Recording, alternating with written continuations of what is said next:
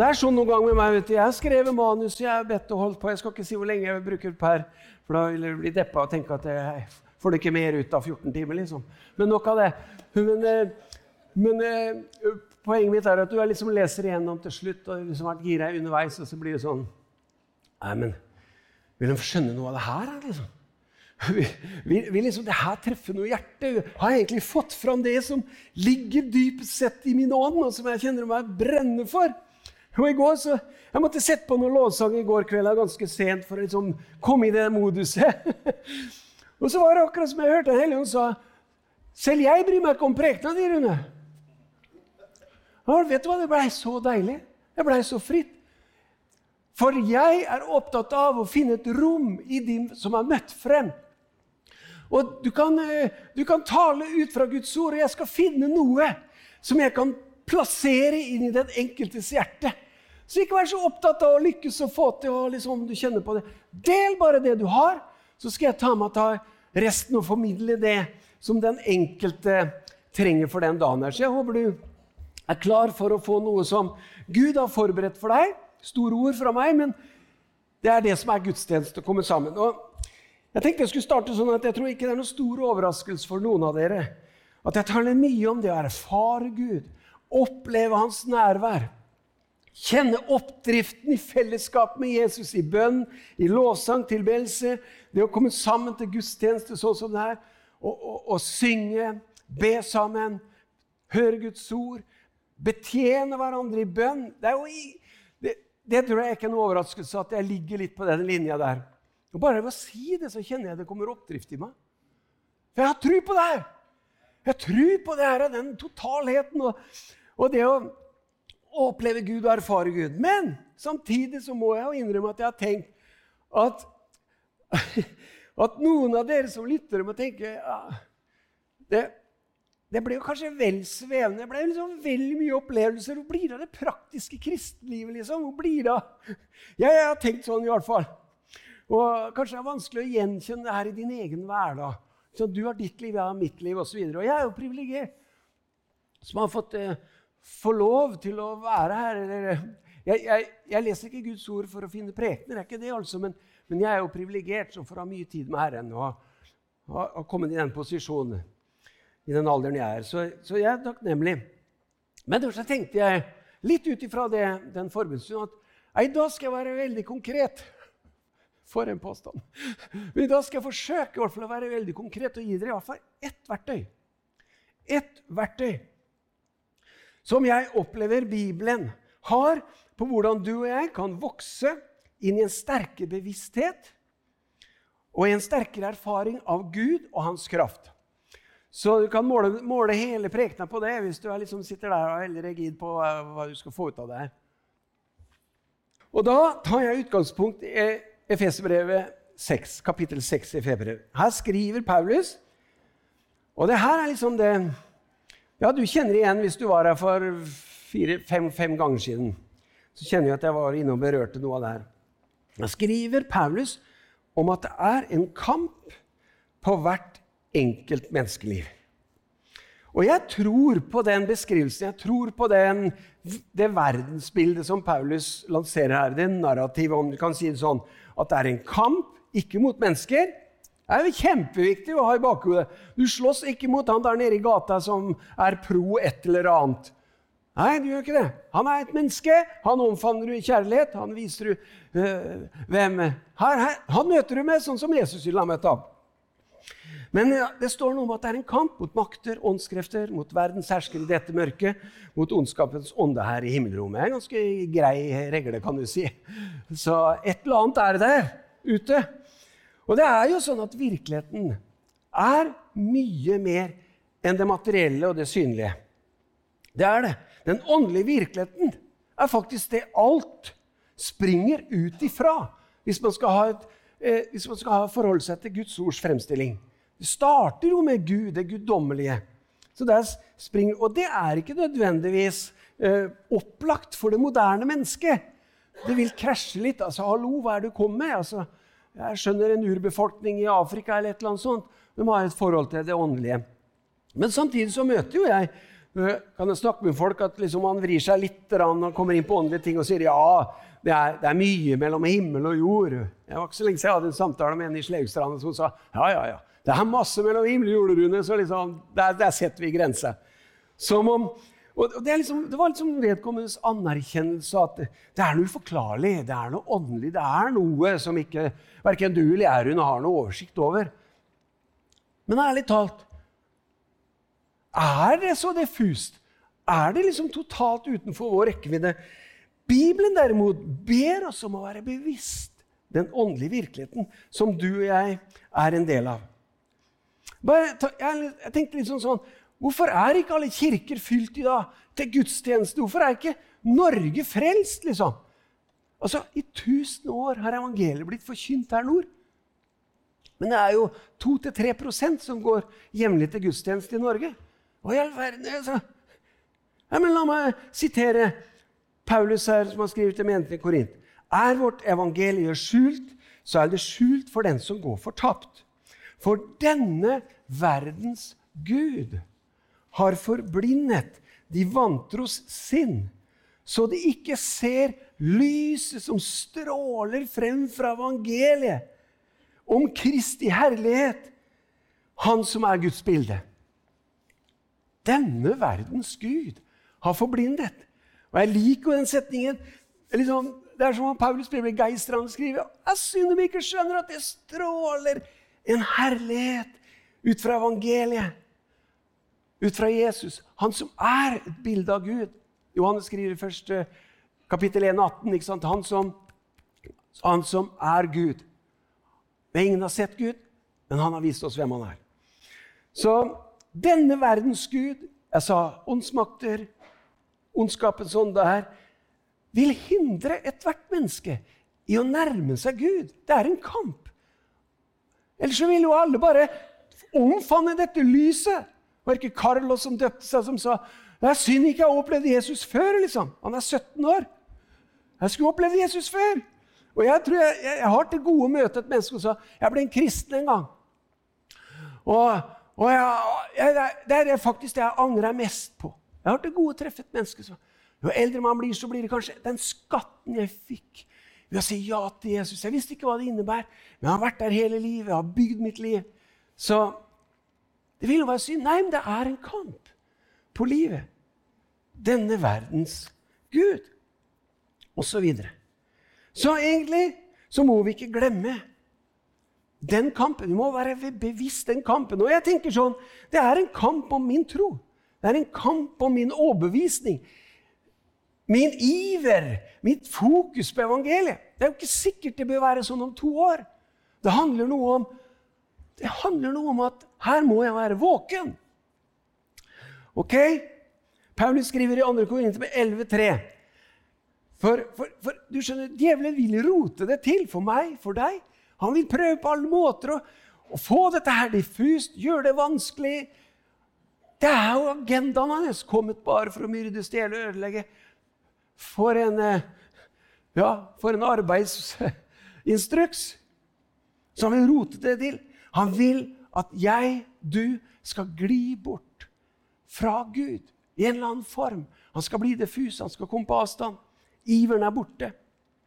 Paulus skriver et sted jeg skal si han oppdro sine menigheter. Han sa, 'Hvor er det blitt av iveren fra den første tid?' skriver han. Han begynte å skrive til skjønt at nå har det skjedd noe i menighetene. Hvor er det blitt av? Iver! Dere var jo så på! Noe har skjedd underveis. Ikke sant? Og hør her, Han skriver til menigheten i Korin. Men jeg er redd at slik slangen har et Eva med sin list, skal også deres tanker bli ført på avveier, bort fra den oppriktige og rene hengivenheten til Kristus. Jeg blir så rørt av den setningen. og jeg den der liksom ligger sånn høyt oppi hjertet mitt. Er så vakkert uttrykk! Vet du, jeg, jeg drømmer om et kristent fellesskap hvor det her kan sies om oss. Vet du hva? De har en sånn ren, oppriktig hengivenhet til Jesus Kristus. Kall det hva du vil, liksom, men det er noe spesielt. De folka der de, de, de er bare hengitt til Jesus. Og det er så rent. Det er så oppriktig. Om de mener at det er enfoldig, så la det være. Her han synger, han synger Fagervik. Så la meg få drømme, om de kaller det. Ja, det var det jeg huska den sangen. ja, disse digresjonene. Men det er muligens noen her som kan. Er det noen som kan begynne å synge en? Sover Om det kaller det fantasi, så la gå med det. For det jeg har opplevd, det er så sterkt. Det har forandra mitt liv. Ho!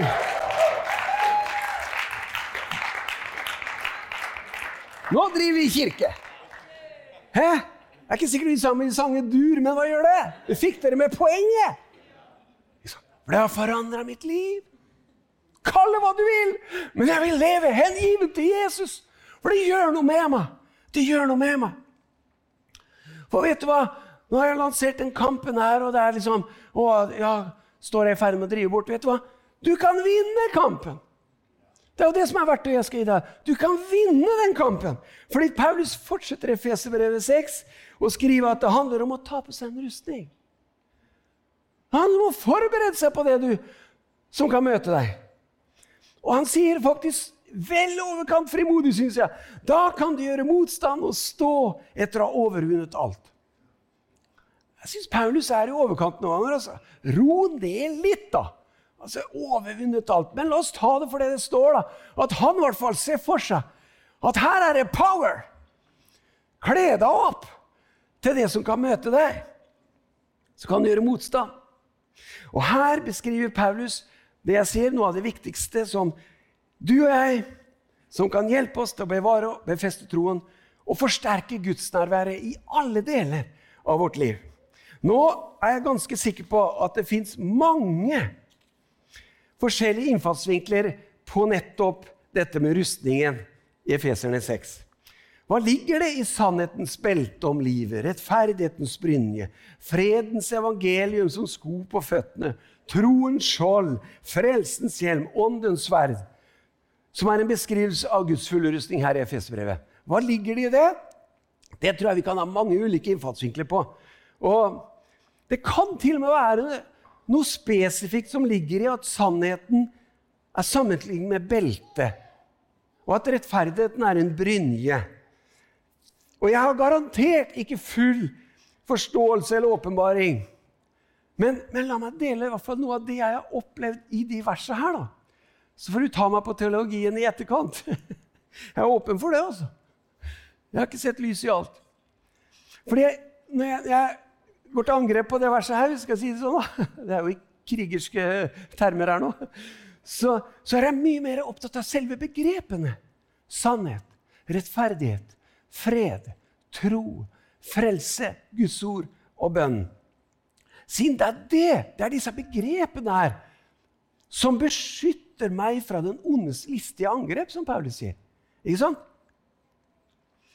Og som skal gi meg erfaring av Guds nærvær som er tiltenkt inn i de ulike situasjonene hvor den onde ønsker å attakkere.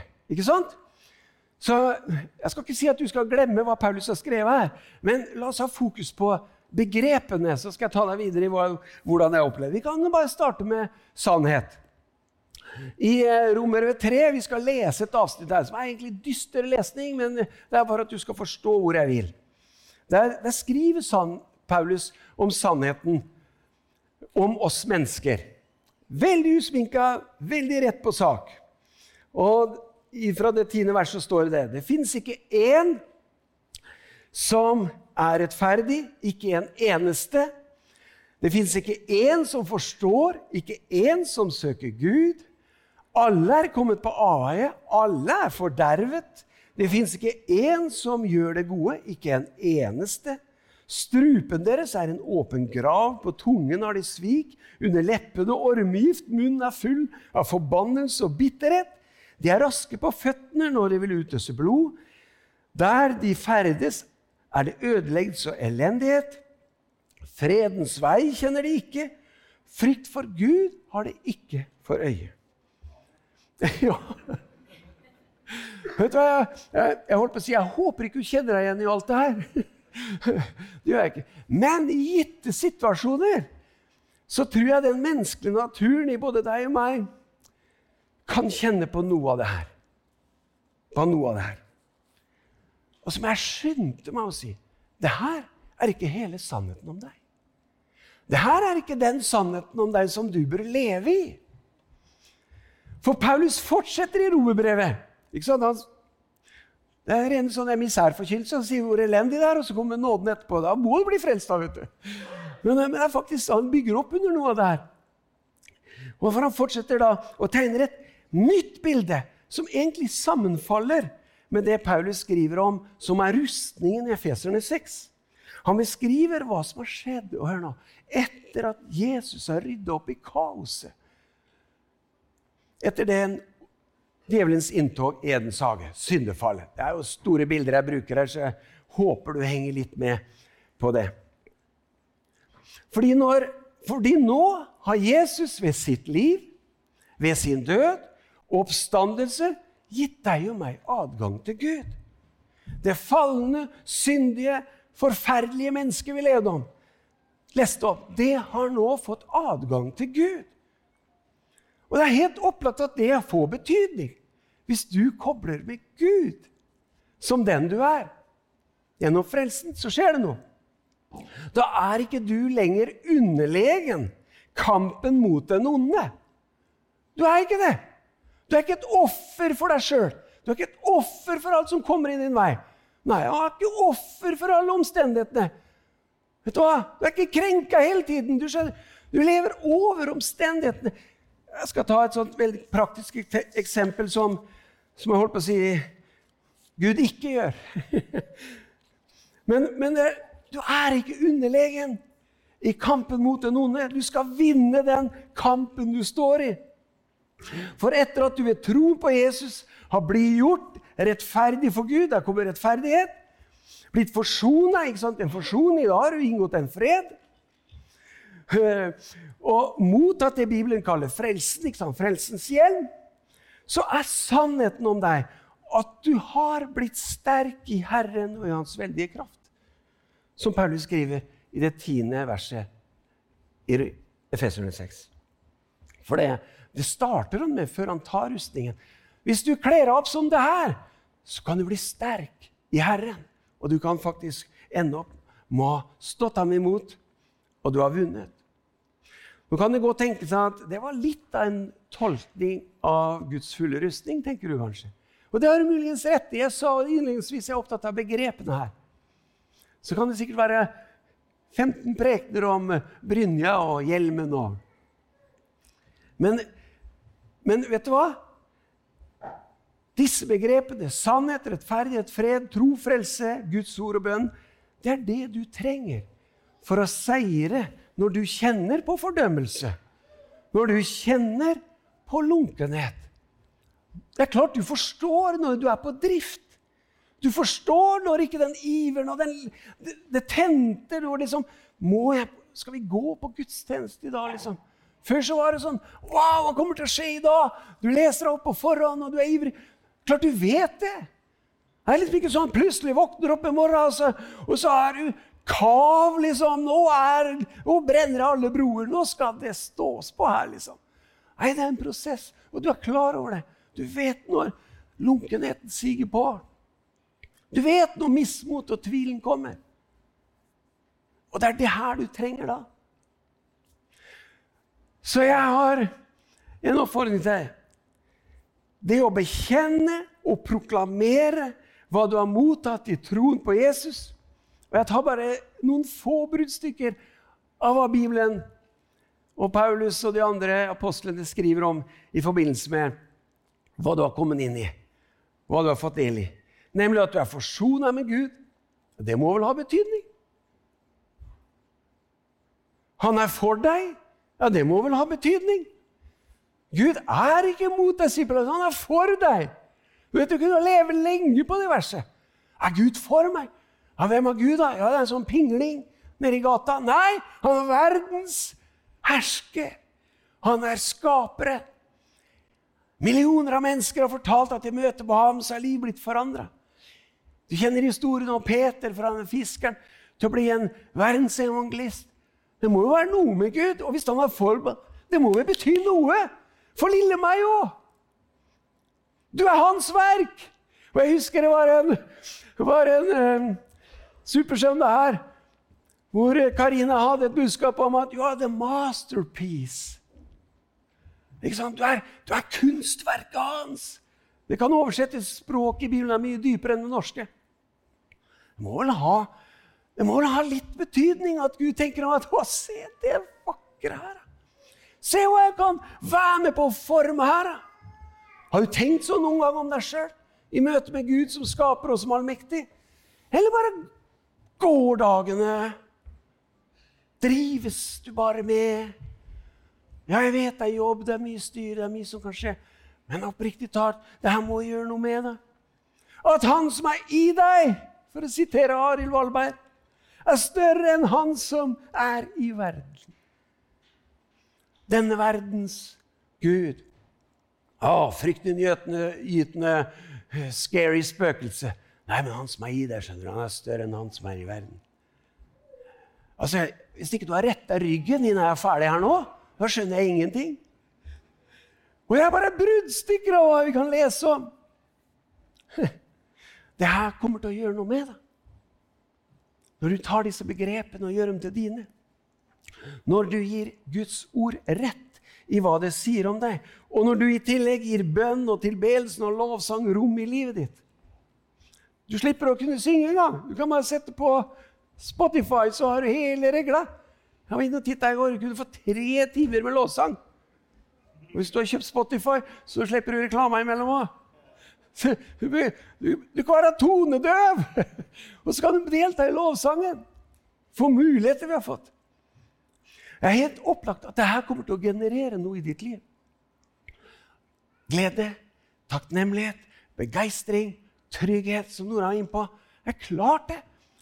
Dette får betydning. Vet du, Akkurat som du kler deg opp om morgenen Jeg går for at de fleste jeg ser jo det heldigvis, at dere har kledd på dere i dag. Ikke sant?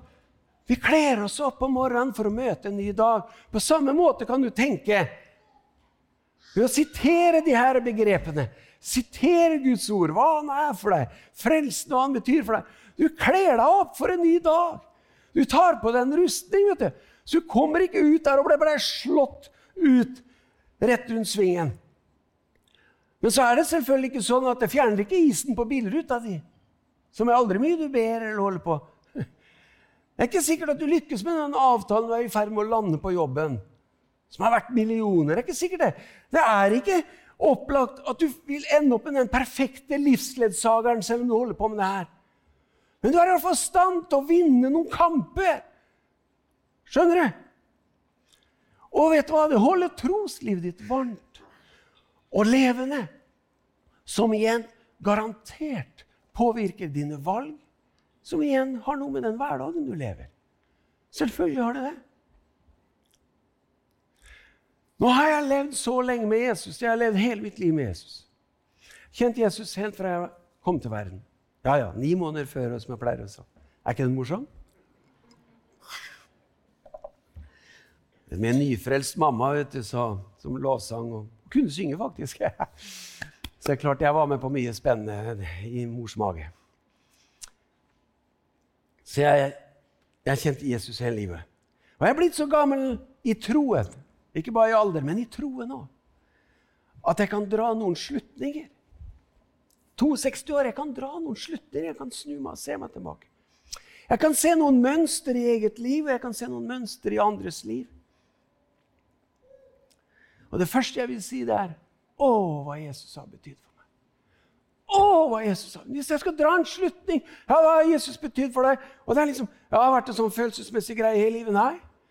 Det har betydd noe helt konkret i en ulike valg. Kommer i boka mi. Nei, nei. Ikke sant? Men hva har det betydd? Troen, Guds ord, bønnen, det kristne fellesskapet, de kristne vennene, har hatt en uvurderlig betydning for mitt liv. Det er et mønster. At jeg har vært så heldig å fått koblet på fra barnsben har hatt stor betydning. Og vet du hva? Samtidig så har jeg lært, lærte jeg tidlig å ta med Jesus på alt. Paulus avslutter nemlig ordene om rustningen nettopp med å legge vekt på akkurat det. Han sier følgende Gjør dette. Altså, hold opp den der rustningen. Alt det du tar på deg om morgenen, som frelsen betyr for deg. Gjør dette i bønn, og legg alt fram for Gud. Jeg har bare lyst til å si må ikke, det må ikke være noe i ditt liv som du ikke involverer Gud i. Ja, men ærlig talt, jeg, er jo kapabel til noe sjøl, liksom. Ja, men du må ta med Gud på alt. Selv om det, Du bør ikke fortelle noen det, hvor banalt det kan virke sånn. Men det er klart du må ta med Gud på alt. Men involvere Gud i alt. Begynn å rote på egen hånd. Jeg sier jeg har sett noen mønster der hvor man liksom begynner å utelukke Gud av deler av sitt liv. Så drifter man på avstand. Vet du hva det første du må tenke hvis det er noe Gud, hva mener du om det her? Så ofte så leder han deg til Guds ord. Du må, du må, sjekke opp i Guds ord. Ja, men, eller du må høre om andre kristne som har levd lenger og erfart noe på det området der. Du må ikke bli alene med livet ditt. Og heller ikke den kristne troa di. Du må søke råd, du må søke bønnestøtte. Bønnestøtte er bra saker. Også. Det er det vi prøver å få til sånn i avslutningen av møtet her, hvor du har et behov, eller du har et eller annet på vegne av noen andre. Det, det, der med å komme fra en sånn alterkål, som vi sier, i, i, en forsamling, er ofte veldig forbundet med sånn liksom Oi, nå er hun framme. Ja. jeg kjenner litt, jeg har vært litt sånn i det siste. liksom. Nei, man får bort det der. Liksom det beste som er, vet du, at noen kommer og legger hendene på og sier ja, men da står jeg sammen med deg. Ja. Det er ikke sikkert det gjelder deg engang. Nei, du skjønner, det er en onkel som skal opereres i morgen. Eller nei, jeg har et barnebarn som skal ta førerprøven. Eller Så ber vi for det sammen, da. Så er det naturlig. Bare, det er noe du lever og ånder i. Fordi du tar med Gud på alt. Nei, Vi får se åssen det går. Nei, du må ta med Gud på alt. Absolutt. Det må du gjøre. Trekk deg ikke unna, men få drahjelp av de gode menneskene rundt deg og det kristne fellesskapet. For vet du hva? Du er ment å vinne kampen. Du er ment å vinne kampen. Du skal ikke ende slått ut utenfor i mørket. Du er ment å stå oppreist. Kan godt hende du syns at du har vært i kamp. Det får så være. Kan godt hende du syns at du har slåss i anførselstegn både med ene og det andre. Ikke mennesker, altså, men ditt indre liv har noen sår, kanskje, fordi noe har skjedd. Men du står oppreist. Du står oppreist. For det handler ikke først og fremst at du er pliktoppfyllende, at du har så veldig mange sterke ressurser på egen hånd. Men du er bevisst hvem du er i Kristus Jesus. Du er bevisst hvem du er i Jesus Kristus, takket være hva Han har gjort for deg gjennom frelsen. Må, det, her må du ta til deg. Du må være bevisst deg. Jeg skal avslutte med å, å, si Du som var her på søndag og var med på 316s første filmgudstjeneste. Jeg syns det var en fin opplevelse. Jeg tok det tårer flere ganger, for det berørte noe i mitt hjerte. Det var noe gjenkjennende i filmen som slo meg. Du kjente også kanskje på den lengselen etter det genuine gudsnærværet som oppstår der mennesker kommer til tro og tar imot Jesus og blir kristne. Liksom sånn, sånn helt greit, liksom, sånn uten å styre. Men bare 'Jeg vil også bli frelst.' Jeg vil også døpe meg. Liksom. Det er ikke så voldsomt, men det er bare, du velger deg inn, liksom. Helt naturlig. Det vil jeg være med om. Det er noe genuint, noe vakkert ved det. Da, og da var det ekstra i kjølvannet denne uka her. Hvor Hanna, dattera mi, leste for meg noe som en som heter Thomas Netland har skrevet. Han er, han er uh, lederutvikler i pinsebevegelsen og eminent forkynner. Han er et stykke menneske som er helt unikt, egentlig. Det fins noen sånne. Og han sier følgende, han har skrevet følgende Det som skjer i generasjon Z Jeg visste ikke hva det var, men det var altså dem som er veldig unge nå. Kanskje det var to til som, som trengte denne opplysningen. altså det som skjer nå i generasjon Z, bør konfrontere deg og ydmyke deg. Er du pastor eller ungdomsleder, har det aldri vært et dårligere tidspunkt å gi opp enn nettopp nå. Og det har heller aldri vært dummere å tviholde på gårsdagens metodikk. Er du årvåken, kan du merke en stille bris av vekkelse blant neste generasjon. For min del har jeg aldri sett en større åpenhet for respons på evangeliet enn det jeg akkurat ser nå. En ny hunger for det som er autentisk i en verden som er syntetisk. En ny hunger for no bullshit-teologi, hva nå det er, i en verden hvor alt er relativt. En ny hunger etter åndens gaver i en verden hvor egeninnsats er alt. En ny hunger for misjon i en verden hvor alle religioner er like sanne. Verktøyene Gud ga oss for oss nå millenniumsgenerasjonen, forrige ungdomsgenerasjon, som f.eks. produksjon, profesjonalisering, design, fungerer ikke nødvendigvis lenger. Gud gjør noe nytt. La oss be om visdom og innsikt for å finne de riktige verktøyene for å bevege og bevare generasjon sett. Da sier jeg neste generasjon kristne vil trenge deg. Vil trenge deg. Du som har levd med Gud, du som har erfart hvordan det er å kle deg opp i rustningen, du som vet litt hva som møter. Vi som er 30, 40, 50, 60 pluss, må ikke svikte nå. Vi må ikke svikte. Vi må ikke bli tilfeldige og litt uinteresserte og la det sekulære og det materielle ta vårt fokus. Vi må ikke. Jeg håper Jeg er ingen profet, men jeg håper det kommer en bølge fra himmelen. Og jeg tror ikke den kommer i det etablerte. Vi tenker at vi er ikke etablert. Vi er ikke etablert. Vær forsiktig hva du sier, Rune. Ikke sikkert, så vi må være våkne. For noen må være der. Men jeg vil i hvert fall uttale her nå at jeg vil omfavne det Gud gjør. Jeg vil helst være midt i strømmen av det. Og da trenger jeg å ha kledd meg opp i Guds fulle rustning, så jeg har noe å gi til de andre.